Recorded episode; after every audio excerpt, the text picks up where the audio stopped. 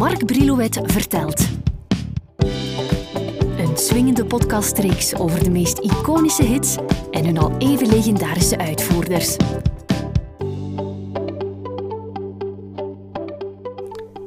Toen David Bowie in 1975 stevig van zich had laten horen tot in Amerika toe met de hit Fame, die hij samen met John Lennon had geschreven, en waarop Lennon in de achtergrond zijn gekweel mag laten horen, zou hij acht jaar later Amerika nog eens aan zijn voeten krijgen met de hit Let's Dance.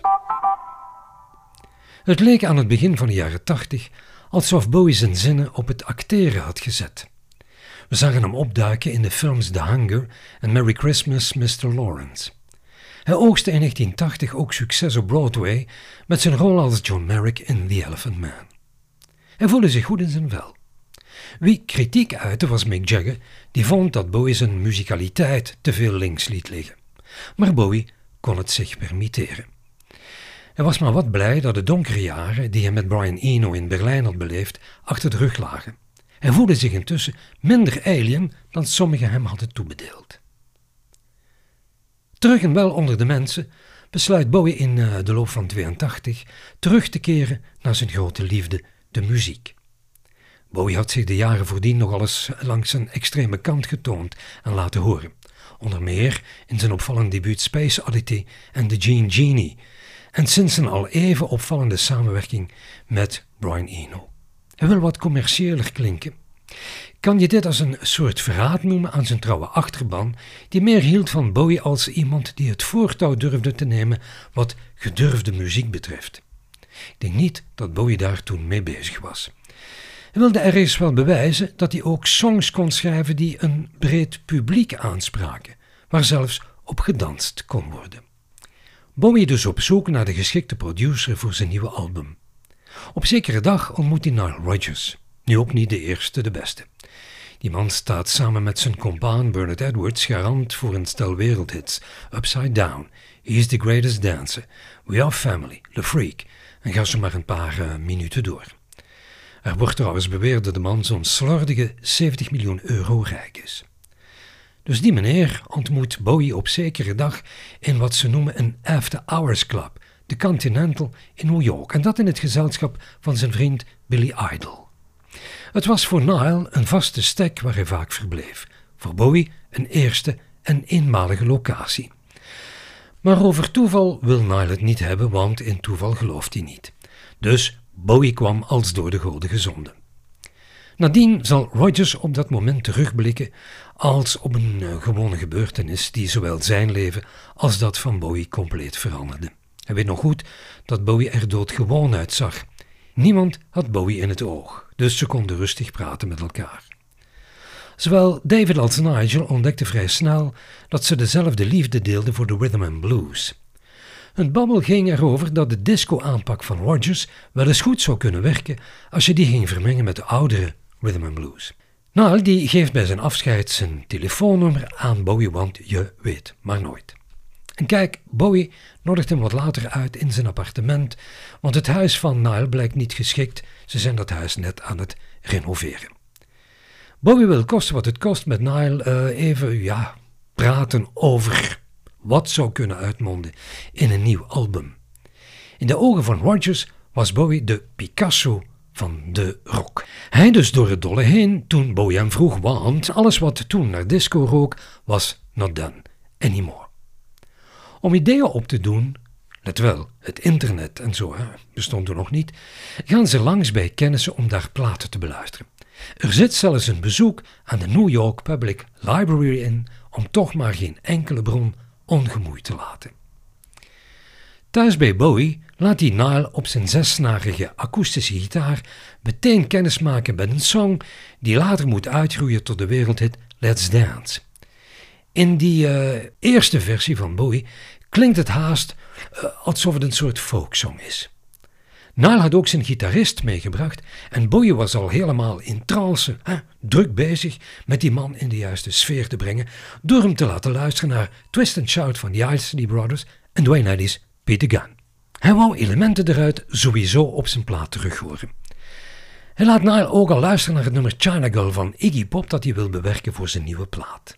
Eenmaal beslist dat Nile de producer wordt van Bowie's nieuwe plaat, gaat hij thuis geduldig op zoek naar geschikte muzikanten en hij selecteert onder meer drummer Omer Rakim, bassist Carmine Rojas en toetsenist Rob Sabino. David Bowie dringt erop aan ook gebruik te maken van het talent van gitarist Stevie Ray Vaughan om de plaat extra punch te geven. Maar er is een probleem. Bowie die had namelijk producer Tony Visconti al eerder aangeduid om zijn nieuwe album te produceren. Die valt dus compleet uit de lucht als hij het bericht krijgt dat hij niet meer hoeft mee te doen. Dat zorgt ervoor dat Visconti pas twintig jaar later nog eens met Bowie zal samenwerken. Om de juiste sfeer voor de plaat te creëren, toont Bowie op zeker moment aan Nile een foto van Little Richard in een rood pak, gezeten in een knalrode Cadillac met de woorden Nile darling, that's what I want my album to sound like. Bowie die, uh, nam de plaat, de opname dus, zo ernstig dat hij een dag of drie besteedde aan het uitwerken van zijn ideeën in enkele demo's. Dat deed hij door de bank nooit. Hij stond ervan bij de start op dat hij geen noot op wat voor instrumenten ook zou spelen. Hij wou zich namelijk volledig etaleren als zanger-vertolker. That's it. Alles is dus klaar om naar de studio te trekken. In dit geval Power Station in Manhattan, New York. Ze verblijven daar van de maand december 82 tot de maand januari 83, in het totaal zo'n drie weken. En dan werken ze non-stop aan dat album naar de normen van die tijd, een snelle klus. Naar zei uh, daarover aan de pers nadien: Let's Dance is probably the simplest album I've ever done. In fact, it was quite complex to put together, but I hope the overall impression is that it is the most positive, emotional, uplifting album I've ever made in a long time. Waar Bowie tijdens de opname het meest van opkeek, was wat Nile had gedaan met zijn nummer Let's Dance, dat in zijn demoversie, ik zei het daar straks al, niet eens zo opvallend klonk. Nile had het stevig onder handen genomen en voortgaand op de titel had hij er een heel dansant nummer van gemaakt. Opvallend was ook dat Bowie tijdens de opname vanuit de sofa die in de luisterconsole stond opgesteld voortdurend richtlijnen gaf. Nile mocht dan de producer van dienst zijn, het was maestro Bowie die de touwtjes stevig in handen hield. Bowie die wil dat alles goed zit, want hij wil met de tapes op zoek naar een nieuwe platenfirma. Zijn deal met RCA zit erop. Gelukkig maar, dacht hij. Hij gaat aankloppen bij EMI en die zien hem maar al te graag komen. Ik kan je zelfs de juiste datum geven wanneer de deal was beklonken. De 27 januari 1983. Hij sluit een deal voor 17 miljoen dollar.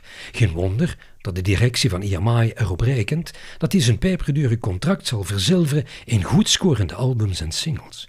Bowie wil hiermee ook de indruk te niet doen dat hij al een tijdje als een soort depressieveling door het leven zou stappen. Er wordt beslist Let's Dance als titelsong op single in de markt te zetten. Meteen wordt er ook beslist als opvolger te kiezen voor China Girl. Met het Corinda Hotel in New South Wales in Australië als decor neemt Bowie de clip op voor Let's Dance. Een aantal lokale aboriginals kleuren de video, waarin Bowie zelf nogal rustig en behoorlijk gewoon overkomt. Voor hem is het een zegen dat twee jaar eerder MTV zich als de videozender was gaan profileren. Hij wordt daar gul vertoond en dit zorgt ervoor dat Bowie zal uitgroeien tot een superster van de 80s. De 14e maart 83 wordt Let's Dance dus op single uitgebracht met op de B-kant Cat People, door Bowie al eerder geschreven samen met Giorgio Moroder. Het wordt voor Bowie een van zijn best verkochte singles ooit.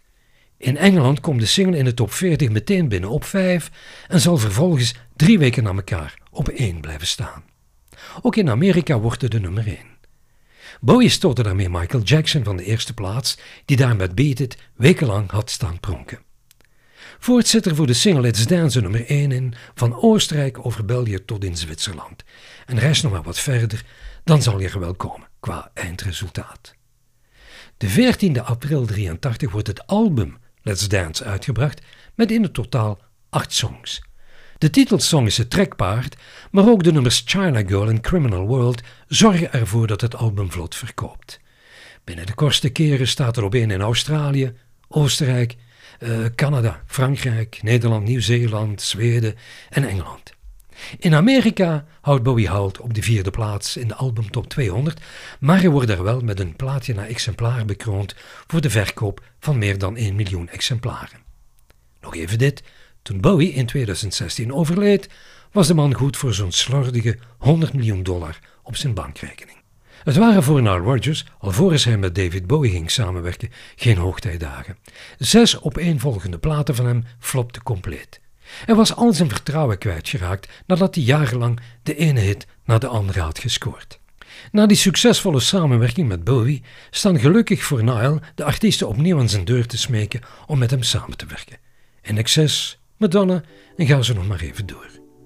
Voor Nile bleef die samenwerking met Bowie er eentje om met Gouden Rand in te kaderen.